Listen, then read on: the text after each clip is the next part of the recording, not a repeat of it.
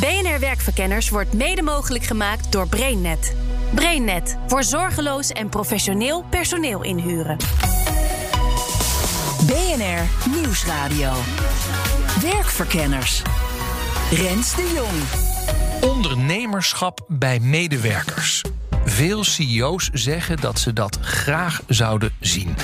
En ZZP'ers kunnen wel wat eigenschappen noemen die dan handig zijn. Ik kijk altijd naar wat wel kan in plaats van wat niet kan. Ik denk vanuit toegevoegde waarde. Wil je dat nou in medewerkers aanwakkeren, dan moet je je op twee aspecten richten. Het gaat aan de ene kant om een stukje karakterontwikkeling en aan de andere kant gaat het om een stukje eigenschappen jezelf eigen maken. Ja, het ondernemen binnen een baan dat wil wel eens wat tot weerstand leiden. Dan hoor je argumenten als dat mag niet. Ik denk dat dat het soms ook een beetje verschuilen is. Hè? Van nou, ik weet niet of het mag van de baas, dus dan doe ik het maar niet. Maar ja, er zijn ook inderdaad wel bazen die heel erg goed opletten van doe je het wel precies volgens de regels. De strakheid en de veiligheid van een vast contract werken dan wel een beetje belemmerend voor het ondernemerschap. Dat betekent ook eigenlijk dat je niet snel uitgedaagd wordt om na te denken van, van heb ik nog wel voldoende werk? Ben ik nog wel voldoende waardevol? Uh, hoe verkoop ik mezelf? Een van de adviezen is: denk als een zelfstandige. Hoe minder tijd je verspilt, hoe meer je per uur verdient. Ik denk dat als je in een organisatie een, een, een constructie bedenkt. waarbij eigenlijk die afstand tussen inspanning en beloning heel kort wordt. dat je ondernemerschap op de werkvloer ook veel beter stimuleert. Het begint al een beetje te komen. En ik hoor een compliment voor mezelf. Natuurlijk is een deel van de werkenden, en daar hoor jij zelf overduidelijk tussen, die, die, die is gewend geraakt aan die arbeidsmarkt nu, hè, van 2021. Met die dynamiek en, en, en uh, het feit dat, dat vindingrijkheid en zelf oplossingen bedenken, hè, dat dat leuk is. Maar er is over het algemeen nog wel een behoorlijke cultuuromslag nodig. Werkverkenners. Als vaste medewerkers van freelancers willen leren hoe ze ondernemender zouden kunnen zijn, dan is eerst de vraag wat freelancers nou precies zo ondernemend maakt. Nou, hoe zien die zelfstandigen dat Mijn zelf? naam is Christel van der Ven. Ik ben uh, oprichter en eigenaar van Factor 5 Organisatieontwikkeling. En ik ben voorzitter van de Vereniging Zelfstandigen Nederland. Wat kan een vaste medewerker nou leren van een ZZP'er als het gaat om ondernemerschap binnen het werk? Nou, jij bent dan de voorzitter van die zelfstandigen. Jij denkt dat er natuurlijk heel veel te leren valt. Zeker, zeker. Ik denk dat zelfstandigen inderdaad heel veel eigenschappen hebben die uh, ondernemen uh, ja, Nederland uh, goed kan gebruiken. ik denk overigens dat er ook al heel wat medewerkers zijn met ondernemende eigenschappen. Maar ja, ik denk dat medewerkers zeker nog wat kunnen leren van zelfstandigen. Maak eens een lijstje. Nou, dat is wel grappig, want ik heb inderdaad een aantal zelfstandigen in voorbereiding op dit gesprek gevraagd van, goh, wat vind jij nou zo ondernemend aan jezelf? Hè? Wat zou je dan medewerkers adviseren? En uh, die kwamen met een lijstje van: ik heb doorzettingsvermogen, ik toon als zelfstandige veel initiatief, ik zie elk gesprek als een potentieel acquisitiegesprek, ik heb een tof netwerk, uh, ik heb regie op werk en leven. Nou, en zo kwamen er nog wel 25 andere dingen. Uh, maar deze werden nou even uit de losse pols heel snel al genoemd. Dit is een mooi lijstje. En de vraag is dan: hoe komen die ZZP'ers daar nou eigenlijk aan? Ja, nou, ik denk dat ZZP'ers uh, misschien nog wel meer dan medewerkers eigenlijk altijd wel beseffen dat uh, ja, eigenlijk ze zo waardevol zijn uh, als hun huidige klus duurt. Dus um, je moet natuurlijk heel goed presteren in het hier en nu.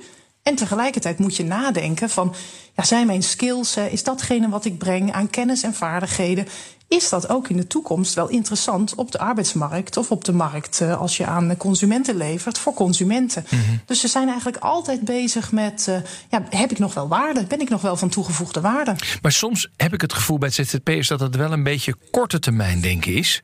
Want als je kijkt naar de cijfers, volgens mij besteden ZZP'ers minder tijd en geld aan opleiding, toch? Ja, dat, de, die staatjes ken ik ook. Uh, ik ken overigens ook staatjes, onder andere van TNO, waaruit blijkt dat ze minder werkdruk ervaren, hè, minder vaak burn-out klachten hebben, dat ze meer bevlogen zijn, dat ze gemiddeld vijf jaar langer willen doorwerken dan werknemers. Dus zo zijn er allerlei staatjes te vinden.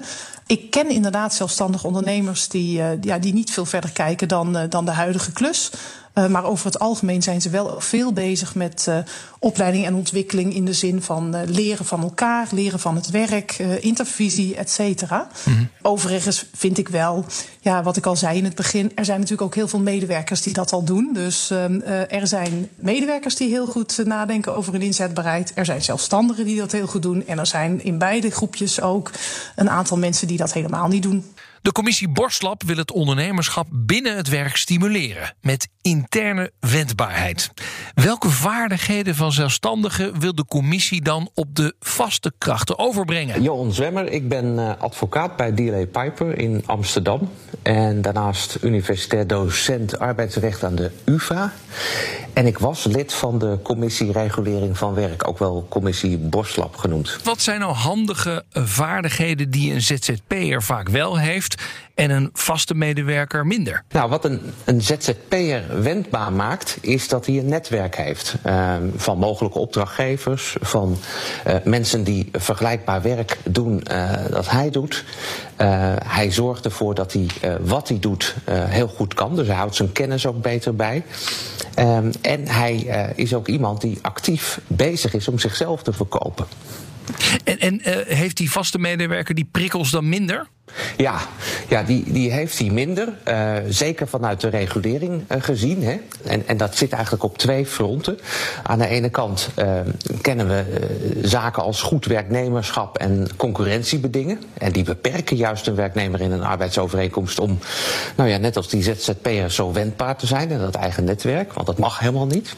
En een ander punt is, is dat als je een gewone arbeidsovereenkomst voor onbepaalde tijd hebt, dan heb je een vast, naar tijdruimte vastgesteld loon.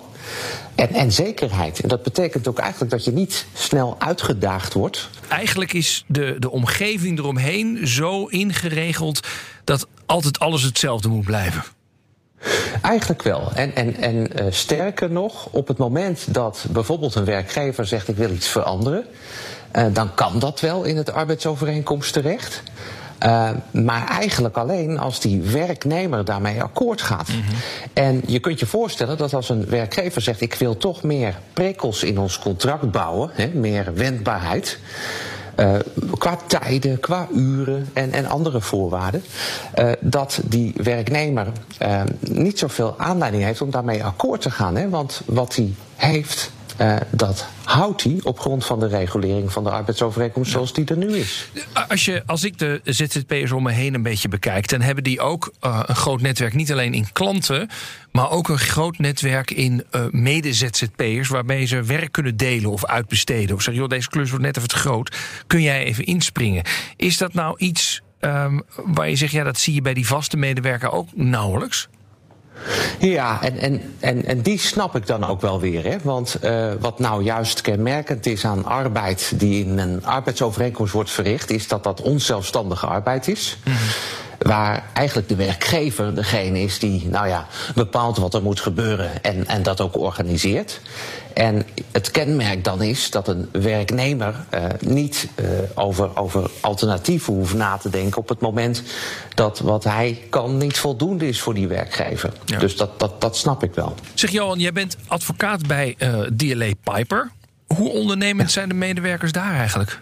Nou, het grappige is dat advocaten van nature uh, in een beroep actief zijn waarin je ondernemend moet zijn. Om de simpele reden dat uh, binnen een advocatenkantoor al je opdrachtgevers verschillen van elkaar. En in feite het werk dat je doet ook afhankelijk is van het aantal opdrachtgevers dat je hebt.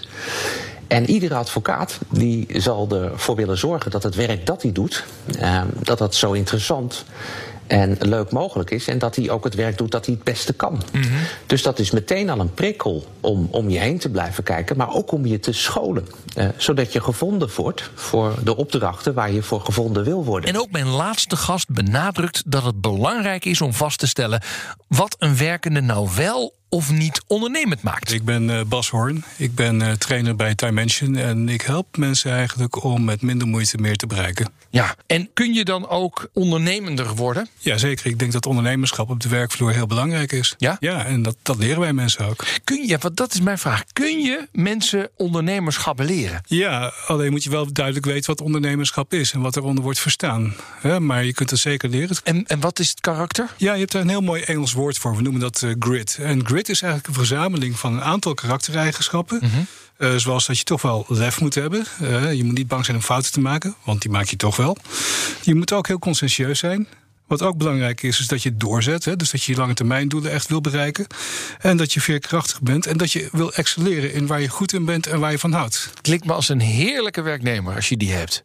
Ja, dat, dat, dat is zeker zo. En ik, ik gun elke werkgever zo'n werknemer. Ja, jij zegt ook een aantal eigenschappen je had het over karakter en over eigenschappen. Noem daar eens wat, wat dingen in. Ja, kijk, er zijn een aantal dingen die je wel moet beheersen. Je moet bijvoorbeeld weten hoe je leert. Dus leren leren is heel belangrijk. Uh, want ja, het gekke is, op school leren we dat eigenlijk niet echt. En je moet ook leren werken. Veel mensen beginnen met werk, maar bij veel werkgevers leer je nog niet hoe je moet werken. En ja, daarnaast heb je ook wat wij noemen de zogenaamde Future Work Skills. Dat mhm. is het Instituut voor the Future, de Amerikaanse organisatie die al 50 jaar lang voorspellingen daarover doet. Ja, die zegt ook van nou, er zijn een aantal eigenschappen toch wel erg belangrijk. Dat is bijvoorbeeld dat je ook eh, vindingrijk bent, maar ook sociale intelligentie wordt heel belangrijk.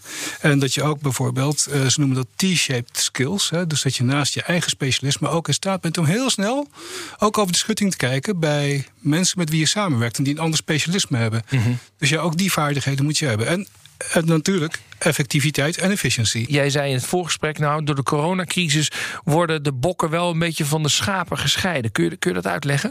Jazeker. Um, kijk, wat je nu ziet is dat uh, mensen veel meer op zichzelf zijn aangewezen. En het gaat in een aantal sectoren gaat het gewoon niet goed. Mm -hmm. En kijk, als je als organisatie de wind in de rug hebt, dan valt het eigenlijk niet zo heel erg op. Zeker als je op een kantooromgeving werkt, wie wel en niet heel hard werkt. Mm -hmm. Om even zo te zeggen. Ja. Maar nu mensen op zichzelf aangewezen zijn, zie je eigenlijk wel welke mensen heel productief zijn en welke mensen eigenlijk ja, wat meer achterover hangen of wat meer beschouwend blijven en niet in de actie komen. Dat wordt heel duidelijk zichtbaar nu. Oh, en dat zien wij bij heel veel organisaties. Ja, dat zie je gewoon ja. uh, bovendrijven. Ja, en dat zorgt ook weer voor dat, dat er wat irritatie onderling tussen mensen gaat ontstaan. Want de een zegt ik werk heel hard en de ander zegt uh, van nou ik, ik werk heel hard, maar die levert eigenlijk niet.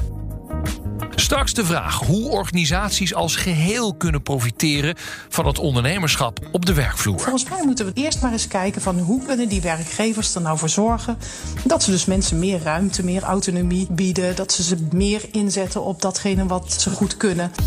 Rens de Jong. Maar eerst eens kijken hoe vaste medewerkers zich die mooie vaardigheden die net genoemd zijn kunnen eigen maken. Johan Zwemmer van de commissie Borstlab zoekt de oplossing in aanvullingen en weglatingen in de arbeidsovereenkomst. Je hebt prikkels naar boven en prikkels naar beneden toe. Ik zou zeggen een prikkel naar boven toe, de stok achter de deur is... breng toch een klein beetje flexibiliteit in dat vaste contract. Dat het, uh, dat het ook echt moet. Um, dat het niet vrijblijvend is om ondernemer te worden als werknemer. En aan de bovenkant uh, haal weg bijvoorbeeld wat we nu kennen in het arbeidsrecht. Die uitgebreide concurrentiebedingen hè, die een werkgever kan opleggen aan een mhm. werknemer. Dat past niet bij een wendbare werknemer. Die moet overal kunnen werken. Dus, dus heb je uh, de bocht genomen om te zeggen: we maken dat, dat vaste arbeidscontract iets flexibeler door die uh, mogelijkheid om die uren voor een deel af te schalen, haal dan ook weg elke beperking voor een werkende om, om, om elders een opdracht te vinden of te verdienen. dus geen concurrentie. Nee, want daar zou je dus ook voor zijn. Want ik, ik dacht eerst nog dat je zei, nou ja. Stel je voor, je werkt bij een grote corporate. Um, dan moet je eens een keer gaan shoppen op andere afdelingen. Kijken of ze daar nog werk nodig hebben. Maar jij suggereert zelfs. Nee hoor, je kunt het ook voor die 20% buiten de deur gaan zoeken. Zeker, zeker. En, en, en sterker nog, je kunt het buiten de deur gaan zoeken als ZZP'er, terwijl je een arbeidsovereenkomst hebt. dus dan, mhm. dan word je als het ware, dan ga je als zelfstandige zou je opdrachten ernaast kunnen gaan verrichten. Als het je specialisme is. Hè, en als dat geen reguliere arbeid is voor die opdrachtgever. Maar je kunt het ook in een tweede arbeidsovereenkomst uh, ernaast doen. Hè, want dat hoort bij die wendbare werknemer. En eerder zei Bas Hoorn al dat je de afstand tussen de inspanning en de beloning moet verkleinen. De werknemer wordt ondernemender als hij sneller weet wat zijn bijdrage oplevert. Dat kan je doen door, door het beloningsbeleid. Hè. Mhm. Iemand verdient meer als hij uh, meerdere successen uh, boekt. Ja. Of iemand maakt snelle carrière als hij meerdere successen boekt. Um, ik denk ook dat de derde bouwsteen van de commissie Borstlab, waarbij er eigenlijk uh, gesproken wordt over interne flexibiliteit, dat ook, dat ook gaat zorgen voor ja, een wat meer rechtvaardige beloning op de werkvloer. Mm want uh, ik kan me heel goed voorstellen dat uh, op een gegeven moment als mensen heel productief zijn en zien dat hun collega's wat minder zijn, dat dat zorgt voor scheve ogen. En dat eigenlijk daardoor een heel team of een hele organisatie ja, minder ondernemend wordt, omdat het toch niet iets oplevert. Je pleit ook voor meer eigen wijsheid, hè? Ja, zeker. Kijk, uh, het heel slaafs doen wat je opgedragen wordt. Um, is niet altijd de kortste weg naar een resultaat. En je krijgt nu eigenlijk al automatische situatie dat de mensen die echt succesvol zijn en die eigenlijk op een slimme manier lui zijn, dat die met zo min mogelijk inspanning zoveel mogelijk effect bereiken. Nou, van die mensen moet je vooral gaan leren. Ja, en, en, en leren wij als, als mensen, onderling, collega's? Ja, ik denk wel dat het heel belangrijk is dat wij van elkaar moeten leren. Um, ik denk ook wel dat, kijk, als je het hebt over, over grid ontwikkelen hè, eh, en jezelf ook veerkrachtig houden, dat, je, dat het heel belangrijk is dat je met de juiste mensen omgaat, zowel professioneel als privé. En op je werk betekent dat dus dat je met de juiste collega's omgaat, die vooral iets beter kunnen dan jij. Mm Want daarvan leer je. En wat zou nou de voorzitter van de zelfstandige werkgevers aanraden om te doen? Ik denk dat je mensen ja, heel veel ruimte moet geven, heel veel professionele ruimte. Dus dat je inderdaad uh, moet gaan zeggen: je mag over alles beslissen waarvan jij denkt dat je vanuit jouw professionele expertise gewoon een weloverwogen en goed besluit kan nemen. Um, dat zou al ongelooflijk veel helpen. Ik denk ook dat je met mensen ideals moet sluiten. Dat zijn maatwerkafspraken. Die gaan over takenpakketten en over ontwikkeling. En daarvan weten we ook dat die echt ondernemerschap en wendbaarheid stimuleren. En ideals? Want ik, ik, denk, ik denk met ideals denk alleen ja. aan betalingssysteempjes. Ja, dat klopt. Ja. Ja, in Nederland is dat heel erg bekend vanuit internetbetalingen. Uh, het, het is een term die komt uit Amerika. Ontwikkeld door Denise Rousseau, een hoogleraar aan de MIT-universiteit. Um, en ja, ideal staat voor idiosyncratische deals. Heel ingewikkeld woord. En dat betekent eigenlijk maatwerk. En dat is dus een afspraak die iemand bovenop een personeelshandboek of CAO uitonderhandelt met de baas. Die is goed voor het bedrijf. Die is goed voor de medewerker. En die is ook nog eens acceptabel voor de collega's. Dus bijvoorbeeld, ik wil een bijzonder project doen, of ik wil een bepaalde cursus doen, of ik wil graag iemand inwerken omdat ik dat leuk vind. Uh, nou, dat soort zaken, dat zijn uh, maatwerkafspraken, ideals. En die helpen heel erg uh, om mensen inzetbaar en wendbaar te krijgen. En wat houdt ons tegen? Dus welke regels of wat dan ook ga jij meteen schrappen om het ondernemerschap te stimuleren? Ja, mag niet van, kwaliteit, van de kwaliteitsafdeling. Ik denk dat, dat je die regel moet schrappen. Dus dat mensen echt gewoon zelf weer moeten gaan, gaan nadenken. Uh, ik denk ook dat we ja, toch die functiebeschrijvingen, die vaste functiehuizen, laten we gewoon eens helemaal vanaf scratch beginnen, als het zou kunnen. Uh, en dat je feitelijk aan mensen vraagt: uh, waar ben jij nou goed in en wat heb jij nou te bieden? Want ja, feitelijk is dat natuurlijk wat veel zelfstandigen doen. Die zijn gaan doen wat ze goed kunnen. En die vragen zich heel erg goed af van wat heb ik nou specifiek te bieden op die arbeidsmarkt. En ja, dan zie je dus dat dat heel veel positieve effecten heeft. Dus inderdaad op werkplezier, op wendbaarheid, op weerbaarheid. Nou, hoe mooi zou het zijn als we dat, dat het eigenlijk niet uitmaakt in welk type contract je werkt, maar dat je dat ja, altijd kan doen. Ja, het lijkt wel een heel breed gedeelde wens heel veel organisaties zeggen dat hun medewerkers wel een tandje ondernemerder mogen worden. Maar ja, wat schieten die bedrijven daar dan eigenlijk mee op? Nou, dat ligt heel erg aan hoe ondernemend zo'n organisatie zelf is ingesteld, zegt Bas Hoorn. Je hebt mensen die echt actief erop uitgaan en gaan netwerken met elkaar. Maar het gebeurt vaak ook al heel informeel, zonder dat je heel bewust dat plant. Uh, maar nu met corona moet je het wel gaan plannen. Oh, je moet het als leidinggevende moet je het ook faciliteren. Je moet echt wel echt meet-ups faciliteren, waarbij je echt tegen mensen zegt: Nou, jij gaat eens even met die een praatje maken. Ja. Zou ik zeker doen. Volgens mij is het een cultureel gesprek dat we met elkaar moeten aangaan. Van wat voor werknemers willen wij in Nederland zijn? Of ben ik daarin veel te idealistisch wat jou betreft? Nee, het is een culturele discussie. Dit gaat over cultuur. Cultuur gaat eigenlijk over, als je het hebt over cultuur op het werk, gaat over hoe werken wij? Wat is onze manier van werken? Ja. Ja, en die discussie moet wel worden gevoerd. Christel van de Ven zou wel van die tweedeling af willen. Ik vind ook eerlijk gezegd ZZP'er, hè, dat mensen een afkorting zijn, een zelfstandige zonder personeel. Zijn medewerkers dan een OMB'er, hè, een onzelfstandige met baas? uh, het is gewoon een. het is gewoon een hele rare uh, tweedeling. En ja. ik denk dat uh, we gewoon moeten kijken van hey, wat die zelfstandigen eigenlijk hebben ontdekt de afgelopen jaren. Hè. Het is niet voor niks dat zoveel mensen de overstap maken is dat het ontzettend leuk is om te ondernemen. En dat het ook ontzettend leuk is en soms ook spannend en moeilijk, maar daar leer je van om gewoon te doen waar je goed in bent. En heel erg goed te kijken van hey, wie heeft mij nou waar nodig? En ik ga dat gewoon proberen. Ja. Maar ja, dat kan je denk ik ook als medewerker doen. En overigens, ja, als werkgevers meer ruimte voor die manier van werken zouden bieden in hun organisaties, dan kan het ook wel weer zo zijn dat een aantal mensen die nu zelfstandigen zijn, weer medewerker worden. Dat moet er eigenlijk, vind ik, helemaal niet toe doen. Oh ja, maar dat is interessant, hè? Want zou jij ooit nog voor een baas gaan werken dan? Um, nee, als ik eerlijk ben, niet. Zie je wel. Nee. nee. Maar misschien moeten we wel naar baasloze organisaties. Op het moment dat er baasloze organisaties zijn. Uh, dan kan ik me best heel erg weer willen verbinden aan een organisatie. Want feitelijk is dat wat ik nog steeds wel doe. Ik verbind me aan allerlei organisaties, aan klantorganisaties, aan een heel netwerk van medezelfstandigen met wie ik uh, ja, een netwerkorganisatie vorm. Dus het is ook niet zo dat zelfstandigen zich nergens toe willen verbinden, helemaal niet. En Johan Zwemmer ziet, natuurlijk als lid van de commissie Borslab, interne wendbaarheid als dé manier om organisaties optimaal te laten profiteren van ondernemerschap binnen de eigen gelederen.